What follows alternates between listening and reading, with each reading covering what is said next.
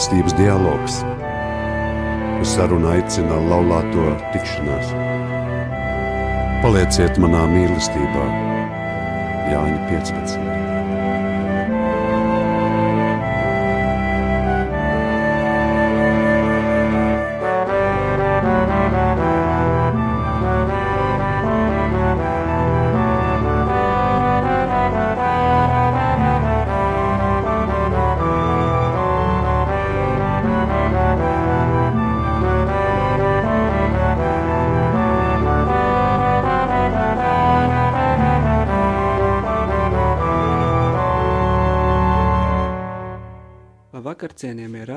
Marija klausītāji!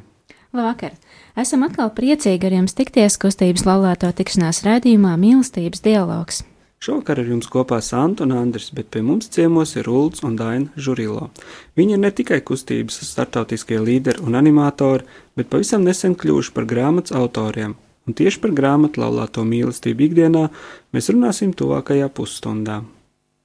Pašā grāmatas iesākumā jūs rakstāt par vairākiem iemesliem, kāpēc nolēmāt rakstīt grāmatu. Lūdzu, izstāstiet arī radio klausītājiem, kā radās ideja par kopkī, kopīgu grāmatu par laulāto attiecībām. Labvakar!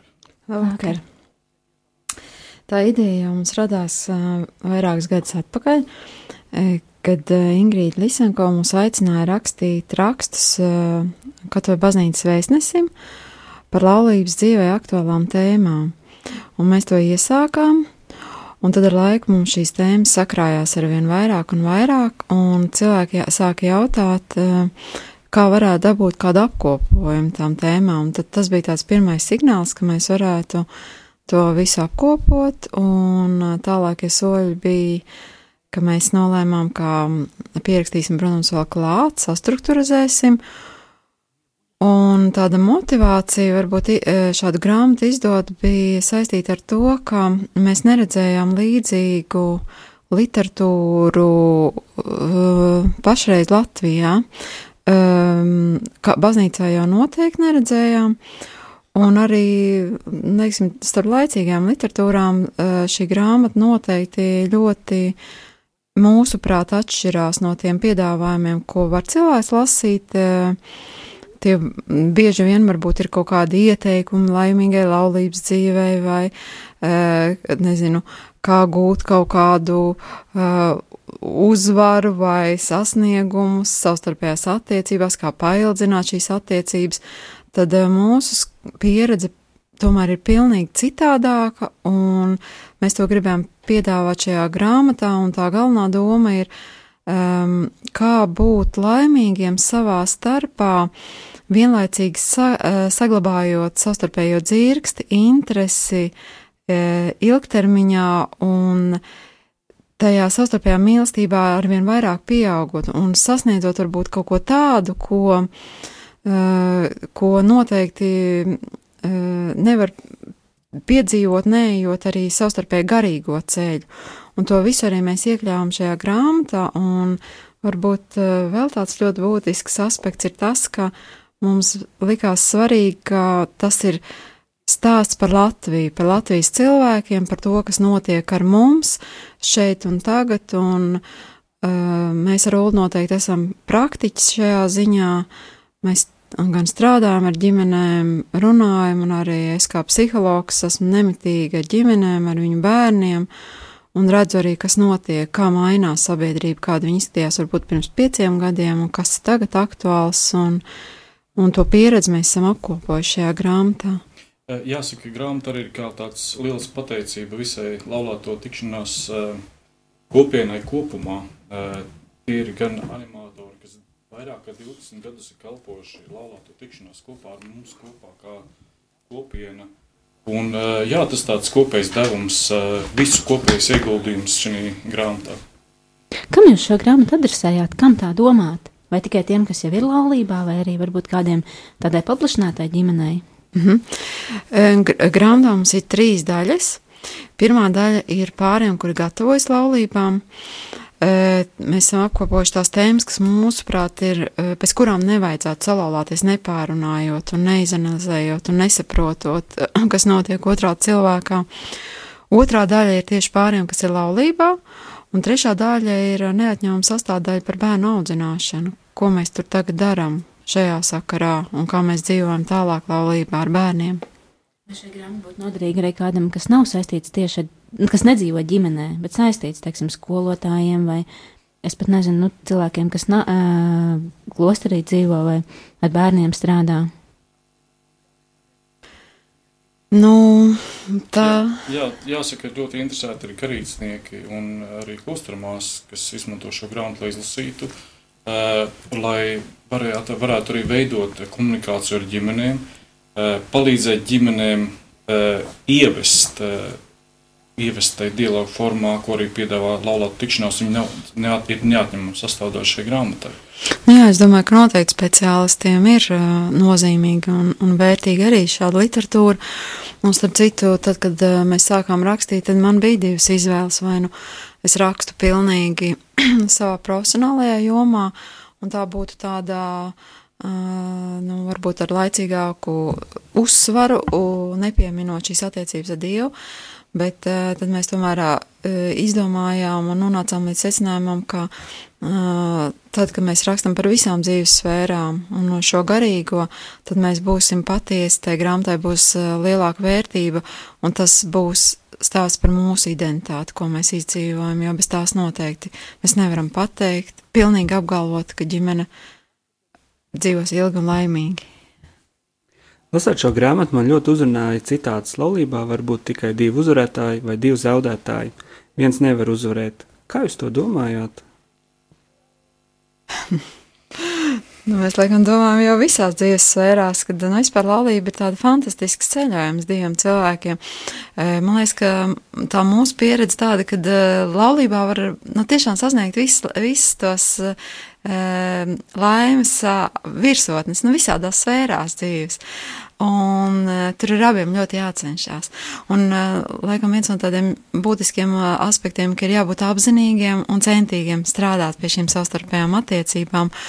Un, ja tiešām pāris ir tāds sastapies un apzinās, cik būs jāiegūt šajās attiecībās, tas darbs un, un, un, un, un, un kam būs varbūt jāaiziet cauri, un ir gatavs to visu, tajā visā iesaistīties, tad, nu, tad būs uzvarētāji. Bet ja, divi, jā. Bet ir jau tā, ka man druskuļi kaut kā arī liekas tā dīvaini, ja starp diviem laulātiem ir kaut kāda zināmā mērā konkurence. Eh, kurš vairāk varbūt pelna, kurš, eh, kurš šovakar trauks var nemazgāt, kurš var vairāk klusēt un, un, un varbūt vairāk dusmoties. Eh, tāpēc nu, starp laulātiem Tad, kad nav šīs konkurences, tad uh, viņi iet abi šo uzvarētāju ceļu. Jā, un arī neesam mēs praksē strādājot, nekad redzējuši kādu pāri, kurā, nu, kur tagad viņi tiešām būtu uz laulības izjūgšanas robežas, un viens būtu no tā dikti laimīgs, un otrs pilnīgi nelaimīgs. Nu, nu tādas pieredzes mums nav, abi cilvēki ir ievainoti un sāpināti, un kaut varbūt viens ir vairāk bijis iniciators tajā, tā ka, nu, nav mums no prakses tādas ir iespējas pieļaut tādu domu. Jūs arī uzsvērāt, ka grāmata nav tipisks psiholoģisks padomu apkopojums, bet gan personiskās pieredzes stāsts. Kāds ir jūsu skatījums uz mūsdienu laulību, vai un kāda ir tās vieta šajā kosmopolitiskajā un ātri skrejošajā sabiedrībā, kur partneru maiņa ir parasta lieta? Nu, jā, nu, mēs tiešām vēlamies tā, ka, nu, nedaudz distancēties no tā, ko, kā, kamā mums ierauj šī pasaule savu informāciju un ar tādu vērtības apjukumu. Un uh, vēlamies paskatīties to, ka laulība ir vieta, kurā tad, ja mēs dodam, tad, uh, tad uh, mēs ļoti, ļoti daudz saņemam pretī, un laulībai ir raksturīgs tas pats, kas uh, mīlestības uh, būtībai, mīlestības teorijai, ka uh, tad, ja mēs mīlestību dodam, tad mīlestība var vairoties, un ja mēs viņu nedodam, tad mīlestība ir tikai mazumā. Nu jā, un tas aspekts, ka mēs noteikti arī vēlamies pievērst, ir tas, ka mēs tiešām dzīvojam laikā, kad mēs tiekam aicināti lietot, tērēt uh, un uh, iegādāties jaunas lietas, un to pašu mēs izmantojam bieži vien arī uz cilvēkiem, un laulāt to savstarpējā attiecībā, un iznāk beigās tā, ka nu, mēs paliekam iztukšot no tā visa un negūstam vairs gandarījumu ne no tām lietām, ne no tiem mainītiem cilvēkiem. Un tāpēc mēs šajā grāmatā arī aicinām uh, ieskatīties tajā dziļumā, kas ar mums pašiem notiek un kāds Dievs mums ir radījis patiesībā, jo tās vajadzības, ko viņš jau ir ielicis mūsu radīšanas brīdī, būtībā jau nemainās. Mēs tās nevaram mainīt. Mēs varam izdomāt, ka mēs gribam tās mainīt un piedāvāt sev kaut kādus aizstājējus, bet uh, nu, nema, nestrādā tas. Tāpat kā mēs nevaram e, izdomāt mākslīgi cilvēku, radīt tikpat skaistu un, un, un, un, un pilnīgi kā Dievs ir radījis, tāpat arī mūsu vajadzības un to pašu būtību, kas ir pēc tā, divu tēlu attēlu, to nevaram mainīt. Un līdz ar to arī tos līdzekļus, kā sasniegt to laimi, mēs nevaram mainīt. Mums ir jāatgriežas pie savām saknēm. Es domāju, ka grāmatā ir apkopot kopsavilkumu informāciju, kas tad ir laulības segums. Jo, ja mēs paskatāmies ja uzlūkam kādu zināmu pāri, kas ir šķīrušies, kuri ir nelaimīgi vai, vai bijuši kritieni, uh, nav, šī, nav šīs dzīves seguma, nav šī, šī apakšējā stūrakmens, kas viņus balstīta kopā. Uh, to mēs arī varam redzēt no sadarināto tikšanās, uh, ka bieži vien pāri atnākot, gribot laulī, laulāties, viņiem ir šoks par to, ka laulība tas kaut kas daudz nopietnāks nekā viņi līdz šim ir domājuši par to. Viņiem ir šoks par to, ka tomēr ir jāpieņem jau pašā sākumā lēmums, ka lai cik grūti būtu, lai kāda būtu šķēršļi, vai kāds būtu konkurence, vai, vai, vai, vai dusmas, vai nerunāšana, ir jā, jābūt kopā līdz galam, un tas viss ir izcināms. Un es domāju, ka šīs krīzes un šī, šī šķiršanās ir vairāk no tā, ka eh, cilvēki vai pāri bieži vien nu, nejūt šo segumu, bet šis segums varētu teikt, ka arī kopumā ir dots šajā grāmatā apraksts. Jūs daudz runājat gan krīzēs, gan ikdienā par dialogu. Par dialogu kā veidu sazināties gan ar sevi, gan ar laulāto, gan ar dievu, gan ar citiem cilvēkiem. Kas tajā dialogā tik īpašs? Kas tas ir? Nu, es izstāstu tev, kā es jūtos, tu izstāsti man, kā tu jūties, un -hmm. kas, ka, ko tas dod? Dialogs. Uh Dialogs ar cilvēcisko prātu pat īsti nav saprotams, ja viņam nedod to garīgo dimensiju. Eh, dialogs var būt tikai vienā brīdī, kā jā, ļoti labs tehniskais līdzeklis, bet nekas vairāk. Laulāto tikšanās dialogs kā garīgums aicina cilvēkus pārus iet, izskatīties nedaudz dziļāk. Tā pašā laikā eh, būt, eh, nebūt zaudētājam, bet iegūt uzvarētājs uzvarētājiem abiem, būt kā uzvarētājiem abiem divu attiecībās, eh, nebaidīties atvērties viens otram, uzklausīt, gribēt uzklausīt. Gan žestos, gan skatienos, gan arī gribā. Par dialogu, starp citu, mūsdienās runā ļoti daudz, un mūsdienu psiholoģija uzsver, un tas kļūst gan biznesā, gan sastarpējās attiecībās, kā tāds virzītājs un veiksmes atslēga. Laulāta tikšanās jau 40 gadus runā par dialogu, un es domāju, ka mums, mēs esam spēruši daudz dziļākus soļus, un mēs vēlamies paskatīties to, ka dialogs pārveido mūsu arī tādu uh, iekšējo pasauli, ne tikai komunikāciju, bet caur dialogu uh, mēs tiekam aicināti uzvarēt sevi, nevis otru cilvēku. Un mēs domājam, Jā, dialogs, dialogs ir tikšanās pašam sevi, tikšanās ar Dievu un ar otru cilvēku. Un tikšanās pašam ar sevi ir viens no būtiskākajiem stūrakmeņiem, ir atzīt jūtas. Kas ar maniem notiek, kā es jūtos un ko es ar šīm jūtām daru. Un, uh, tagad pēdējā, man liekas, ārsts, uh, ārstiem žurnālā ir arī ļoti labi aprakstīta situācija, kad uh, ir novirziens, kur māca atzīt cilvēkiem savas jūtas, lai sāktu ārstēt savas slimības laulāto tikšanos to jau dara 40 gadus, 40 gadus. Mm -hmm. Un, uh, piemēram, tas pats uh, nu, augst, nu, virs, virspusējais līmenis, ka mēs tagad atpazīstam savas jūtas dialogā, lai mēs spētu adekvāti komunicēt ar otru cilvēku. Ja? Un kas tad notiek ar tām mūsu jūtām?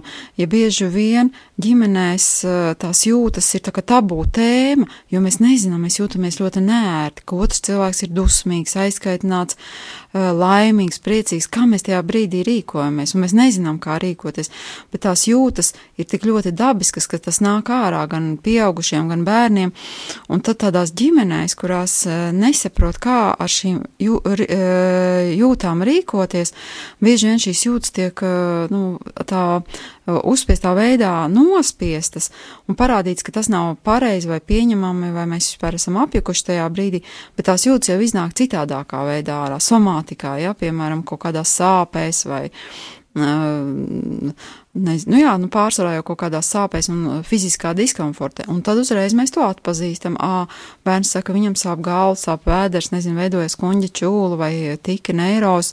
Ā, un tad mēs uzreiz pievēršam uzmanību, mēs žēlojam, mēs ejam, mēs meklējam speciālistus. Tad, tad tas bērns uzreiz saņem visu to, to, kas viņam būtu nepieciešams. Tad, ja viņš vienkārši pateikt, mamma, es esmu nobijies, vai es esmu nelaimīgs, vai, vai priecīgs, ja?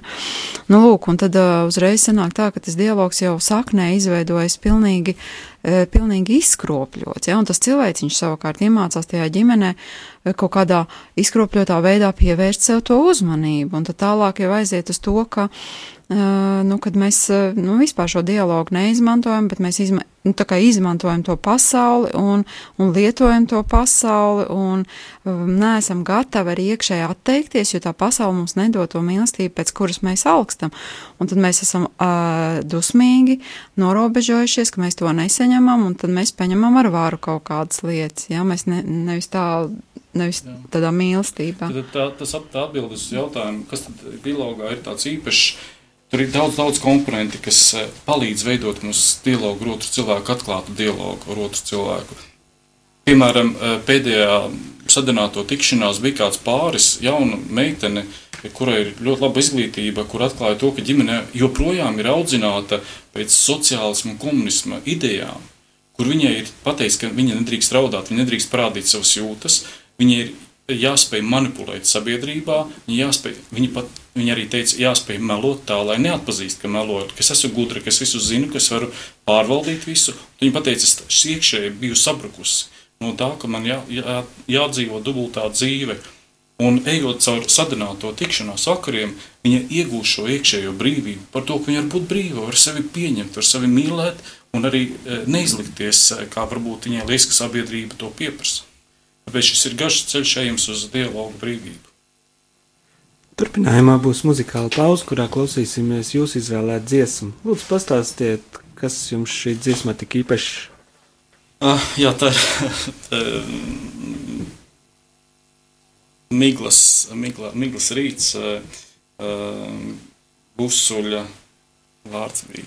Intera. Intera Busuļa dziesma, kas mums ļoti patīk un, un, un ka mums jābrauc divi tā ir kopā uz, uz Poliju, uz citām valstīm, tad mēs parasti šo dziesmu klausāmies, un tā mums kaut kā ieliek tādā e, tuvībā, kad es ilgojos pēc tevis, es esmu kopā ar tevi, un, un kad arī rīt, rītā mēs, katru rītu mēs pamostamies kopā, un, tas ir tas tāds kopējs kā laulāto mīlestību ikdienā. Klausamies.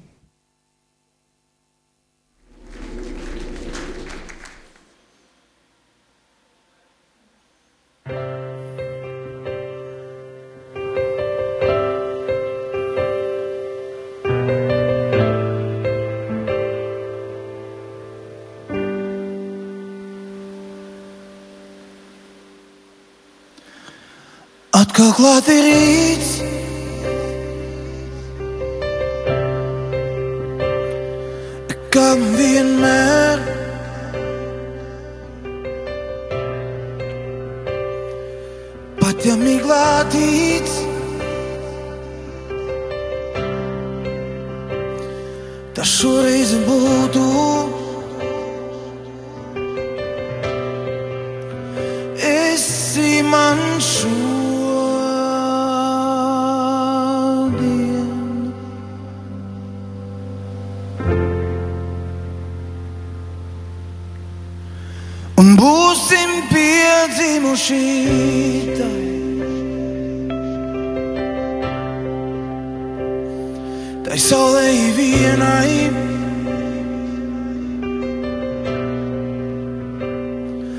Aizemīglās.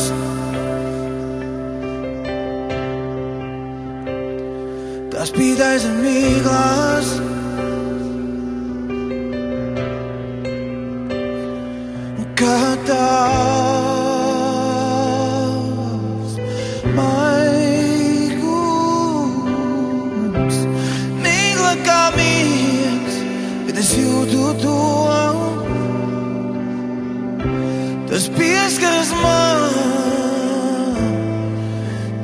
man vajag to, tikai to.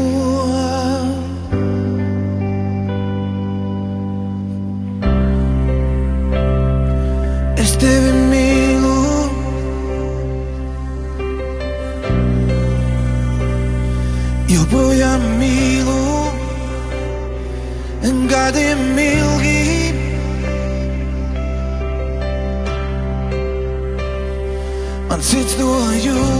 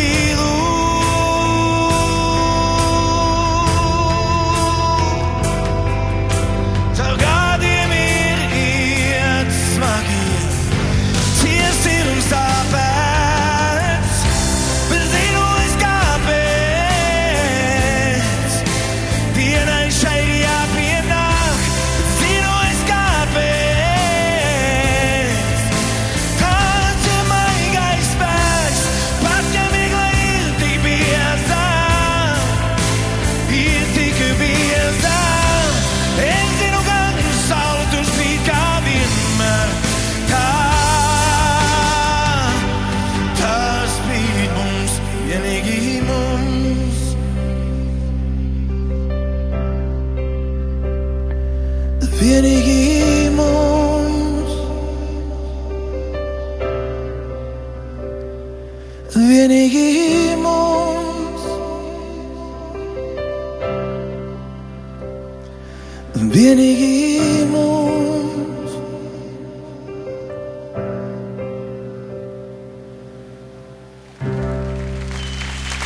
Rokāsim.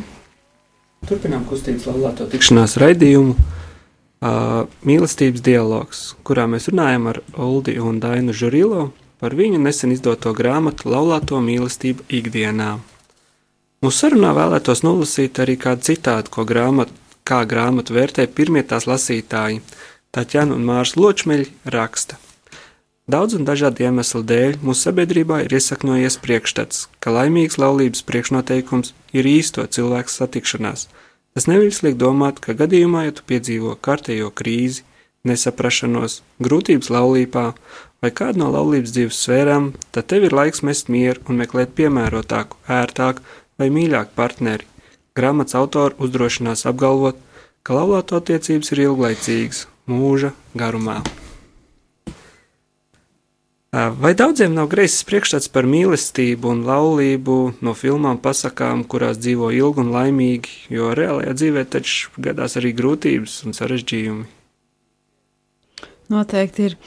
Mēs arī grāmatā rakstām par to, nu, ja mēs tā padomājam, nu, kas mums veido tos priekšstats, kādas ir attiecības laulībā. Nu, tie, protams, mūsu vecāku ģimenes modeļi, masu mēdī, lielā mērā. Un, starp citu, masu mēdī ir otrs audzinātājs pēc vecākiem mūsdienās, ja, kas vecākiem arī jāņem būtiski vērā. Un man mūs ļoti uzrunāja viens sievietes stāsts arī mūsu laulāta tikšanās. Viena brīnišķīga pāra Lietuvā. Viņa stāstīja, ka viņiem īstenībā pagāja tāda laulības dzīvē, kad viņi, nu, nezinu, viņi teica, 11 cīņu gadi, lai viņi saprastu, kas vispār notiek viņu starpā. Jo sieva teica, tad, kad mēs salauzāmies, tad mans priekšstats bija pēc Rozamundas Pilčers filmā, kad vīrs katru dienu nes ziedus mājās, ka viņi regulāri brauc uh, ceļojumos un vispār ārā visu laiku spīd saule. Un viņa saka, nu es nekādu nesapratu, kāpēc man vīrs to nedara. Un tas vīrietis ar tik ļoti jauks cilvēks, viņš saka, un es vienkārši nesapratu, ko sieva no manis sagaida. Es vienkārši nesaprotu to valodu. Un, un nu, nu, tas bija no malas skatoties, tagad var izsmieties, jā, un es arī, ka klausies, man, man nu, tagad jau viņi ļoti labi dzīvo un, un viens otru sapratuši un pieņēmuši, bet, nu, tas izklausās komiski, bet, nu, ģimenē, protams, tas eh, vienā brīdī ir traģiski, ja, jo mēs sagaidām no otra cilvēka to, ko mēs nevaram sagaidīt, jo tas priekšstats mums ir vispār kaut kāds eh, nu, ļoti amizants izveidojies. Jā, nu tā ir. Un, um, Tāpēc es domāju, ļoti svarīgi tikties ar citiem pāriem un rast jau no paša sākuma to atbalstu un stiprinājumu un veidot un redzēt arī citas ģimenes modeļus. Un mm, ļoti palīdzoši vienmēr ir saprast, ka arī cita ģimene, lai neskatoties to, ka viņi brauc ceļojumos kopā smaida un iet sadavušies rociņā, viņi pie tā ļoti nopietni strādā. Un mūsu uzskats ir tas, ka laulība ir darbs nu, kā laulības zvērs, tā ir ielikts, es tevi mīlēšu, tevi cienīšu, jo būs tādas dienas, un arī būs tādas dienas, gan gaišās, gan netik gaišās. Un tās būs katrā ģimenē. Pilnīgi skaidrs. Tas neviens neizbēgs no tā. Bet, ehm, bet eh, jā, tas ir darbs, eh, nereti pasauli teiks, ka nē, ka tā nav. Man arī bijis praksē tāda pieredze, kad es ar saviem kolēģiem esmu sarunājusies, un mani kolēģi, kas arī speciālisti, viņi saka, nē, tas nav darbs, tas ir vai nu ir, vai nu nav. Bet uh, mēs skatāmies to pilnīgi citādāk, jo uh, mēs uh, dzīves laikā ļoti mainamies un um, mainās mūsu domāšana, fizioloģija. Un, ja mēs otrā cilvēkā esam ieinteresēti un mums ir šis ieradums klausīties un sadzirdēt otru cilvēku un pašam arī atklāties un saprast sevi visā tajā sarunā, tad mūsu dzīve var kļūt ļoti, ļoti interesanta ar to otru cilvēku. Un tas jau ir tas darbs, tā ieinteresētība. Un, starp citu, eh, svarīgākais šķiršanās iemesls, kas Latvijā ir uh, statistiski, ir eh, tas, ka pāriem nav kopīgs intereses. Bet, um, Bet kopīgs intereses nerodas tā. Nu, mēs nevaram sanākt divi cilvēki, nu labi, ja satiekas uz kalnu slēpotāju vai, nezinu, basēnā vai, vai programmētāju darbā, nu varbūt, bet arī tas nelie, nu, nedod garantiju, ka tagad viņi visu mūžu tagad programmēs vai slēpos, jā, būs citi izaicinājumi. Un, bet vispār jau tā nav. Satiekās arī, es nezinu, adītāja un, un, un es nezinu, kaut kāds tur. Nu, es nezinu, nu, var sakot, visādas cilvēki ar dažādām interesēm, bet pie tā ir ļoti jāstrādā, un tās kopīgās intereses var atrast, un to aizraušanos var atrast, un mēs neredzam, ka tas būtu, nu, tas nevar būt tāds nopietnas iemesls, lai šķirt laulību, bet redzēt, tas ir galvenais iemesls Latvijā, ja. Un nākamais galvenais iemesls ir arī tas, kad tās vīramāts un sievas mācas, tās tās, kas to savu gudro domu ienes un savas ne, varbūt nerealizētās vajadzības, jā, un priekšstats, ko tur vajadzētu tagad tiem jaunajiem darīt, un pa daudz iejaucās, un ģimene nāk no attiecībām, kurām ir šis, šī, nu, šādā mērā aktīva tā sieviete bijusi, tad arī grūti nosprāstās robežas jaunajā ģimenē, un, un, un tas padara nelaimīgs pēc tam, nu, visus, jā. Gramatā liela daļa veltīta arī bērnu audzināšanai. Kādi, jūsuprāt, ir lielākie izaicinājumi, grūtības audzinot bērnus? Lielākā grūtība ir mīlēt savu sievu. Jā, jo, jo bērni redz, bērniem svarīgākais ir redzēt, ka es mīlu savu sievu, rūpējos par viņu, un, un tas viņam svarīgākais. Tas ir, protams, arī dalīšanās. Te ir brokstu galds, kopējas vakariņas vai kopējas braucieni, komunikācijas smaidi, pasmiešanās vienam par otru, arī tāda veselīga pieņemšana, humorā vienam par otru pasmieties. Īpaši mums tagad, ka puikas liela, viņi ļoti daudz par mums pasmējās, mēs pasmaidam pretī, arī sola mūs vest uz ragoņām uz mežu, bet tas ir normāls process, tā kā, jā, tad būt, tad būt, būt tādam brīvām attiecībām ģimenei. -hmm. Un, man patīk, ka Ulris vienmēr arī to ir uzsvērs, ka ģimenēs ir svarīgākais attiecības vīram ar sievu, ko bērni redz mūsu kā savu tēti un mammas attiecības. Tas ir daudz svarīgāk nekā kādas ir attiecības vecākiem ar bērniem. Tāpēc, ka bērniem vecāku attiecības ir visa viņa pasaule. Tā ir viņa drošība, tā ir viņa mīlestība. Un, ja divi teica, māma ir laimīga, viņiem ir ko dot tiem bērniem. Un mums kā sievietēm arī, ja vīrs mani mīl, sievietes ir ļoti dāsnas savā mīlestībā, ļoti, un viņas var mīlēt tālāk savus bērnus. Mēs arī redzam, ka, ja mēs sastrīdamies savā starpā, ne, nu, kaut ko, nezinu, nu, kaut, kaut, ko, kaut, kaut ko, jā, to ļoti izjūt mūsu pieaugušie puikas, um, un uzreiz jūtam ir šī komunikācijas um, trūkums starp viņiem. Uh, viņi klusē, viņi ir kā iekšējais aizvainojums, kāpēc jūs esat sastrīdējušies, mm. kāpēc jūs nerunājat savā starpā, kāpēc starp jums nav smaids, un tas ietekmē arī viņu tālāko tādu drošību, uzdrīkstēšanos iet un darīt dzīvē, un, jā.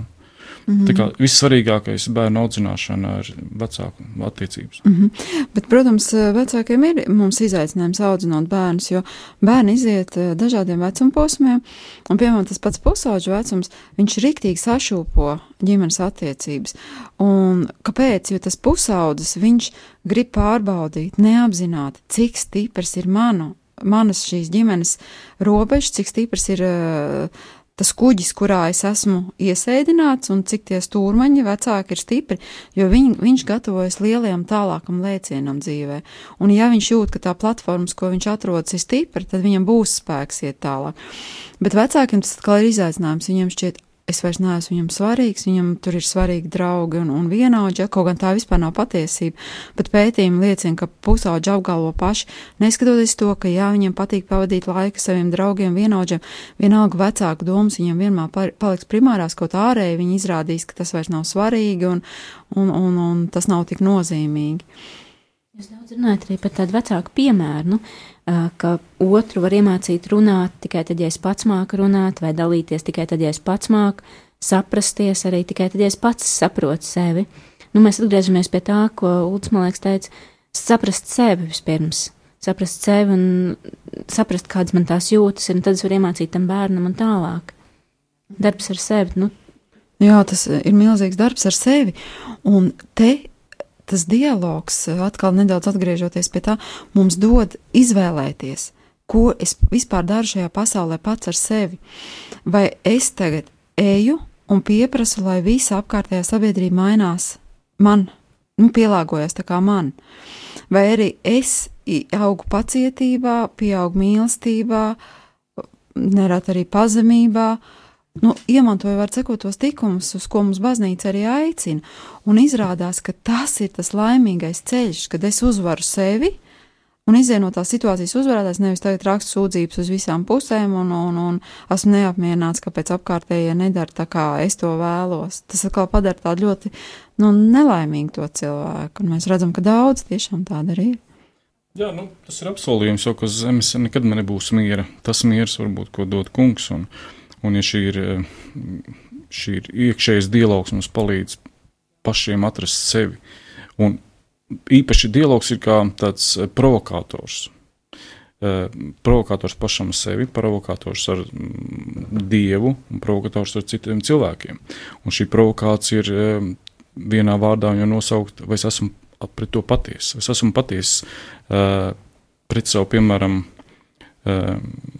nezinu, nu, piemēram, par savām jūtām, kas esmu varbūt neapmierināts dzīve vai bailīgs. Nu, kā man ir bailes? Nu, kā es baidos? Nu, kā man ir satraukums? Kāpēc, piemēram, es viena vai otra cilvēka priekšā jūtos nevisai omulīgi? Nevis izrādās, ka nevis tas cilvēks kaut kādā veidā ietekmē, bet es pats ar kaut kādu nostāju, kas prasa varbūt atkāpīt divas sekundes, uh, pastīties, kas tad īsti tas ir, nosaukt tās lietas vārdos. Un, un tas, protams, palīdz arī atbrīvoties, un, kā jau teicu, ka dialogs ir izved, tas ir provokators, bet viņš ir kā ceļš, kas izved uz brīvību, uz iekšējo brīvību. Un Vēl kaut ko gribēju teikt? Es gribēju teikt arī, ka mēs tajā grāmatā esam, mēs um, Ingrīdas, um, mums uh, redaktors aicinājumam, uh, paklausījām un ielikām arī vairākas gan schēmas, gan bildes, lai uh, tas ir skatītājiem uzskatām un interesanti. Uh, Un arī mm, tieši attiecībā uz bērnu audzināšanu tur ir tādas uzskatāmas schēmiņas, ko mēs esam arī notestējuši masu mēdījos, piemēram, Facebookā. Mēs ielikām arī tur vienu schēmu, kas arī šajā grāmatā, un uh, trīs dienu laikā bija simts tūkstoši cilvēku novērtējuši, ka nu, patīk viņam tas, un ka tas ir uzrunājoši, un viņi dalījās. Un, Un, un es domāju, ka tas arī tāds liels rādītājs, ka tas ir tiešām stāsts par mums un par to, kas ir aktuāli šajā. Un es domāju, ka arī um, mēs centāmies, lai tajā grāmatā nav ļoti daudz gari un teksti un tā kā uz riņķa, bet lai tas ir īsāk un konkrētāk un vieglāk uztverams un lai nav ļoti dziļi jāmeklē tā doma, ko vēlējāmies pateikt. Mm. Mūsu sarunas grib noslēgt ar uh, vienu no jūsu grāmatas pēdējiem uh, teikumiem. Un jūs tur rakstāt tā, ka jūs dzirdat ļoti daudz izmisuma pilnus jautājumus par to, kā ģimenei pastāvēt tagad. Vai jūs priekš sevis esat atraduši atbildi šo jautājumu, varbūt nu, gan darbā, gan ģimenē, gan darbā ar bērniem, kur, kur jūs redzat izēju, kā pastāvēt ģimenei? Pirmkārt, jau gribēt, gribēt eh, kaut ko darīt. Ja nav vīram, piemēram, gribas ģimenē mm, mīlēt sievu, vai viņam gribās katru sestdienas veidienu skriet uz zveju, varbūt pēdiņās, ja vēl kaut ko, tad nu, ir jābūt skaidri, ko mēs darām ar savu laulību. Eh, Cita cilvēka priekšā mēs nevaram atbildēt uz viņu jautājumu. Protams, viņi nāk un meklē palīdzību, un mēs iesakām laulāto tikšanās rekolekcijas. Un rekolekcijas ir pirmais solis, kur cilvēki iepazīst eh, iespēju atpazīt savas jūtas un iepazīst sākuma ceļu dialogā. Un tas sākuma ceļš, tas prasa laiku, bet eh, pašiem mēs neredzam citu izēju. Es domāju, ka katrai ģimenei ir jāatpazīst sevi, kas ir tie klupšanas akmeņi. Mums katram ir kaut kādi ievainojumi, kaut kādas pieredzes, pagātnes, un eh, kas, eh, kas mums būs izaicinājumi laulībā. Un kad šie dažādi izaicinājumi sastopas, tad mums ir uh, tie jāatpazīst un tie jāpieņem un jābūt gataviem ar to strādāt. Un, un noteikti ļoti svarīgi ir veltīt laiku uh, savstarpējām attiecībām uh, vienam priekš otra.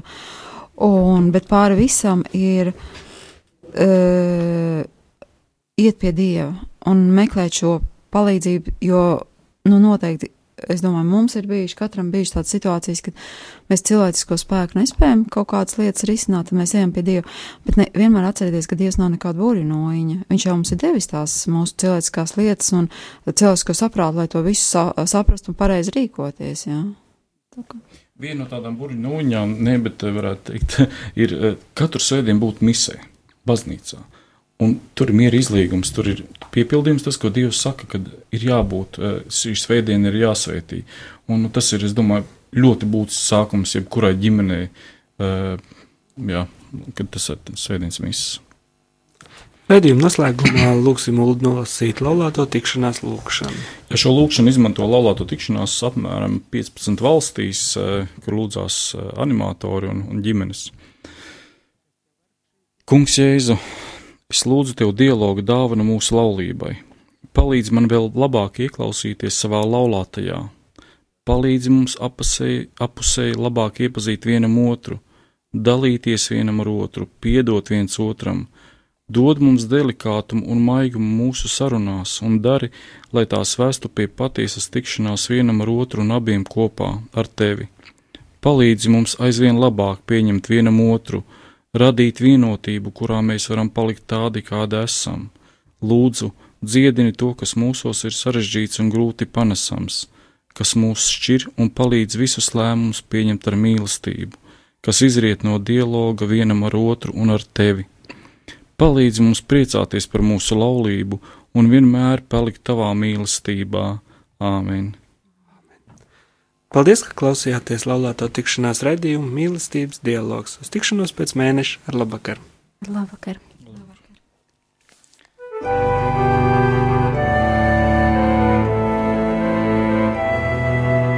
Mīlestības dialogs.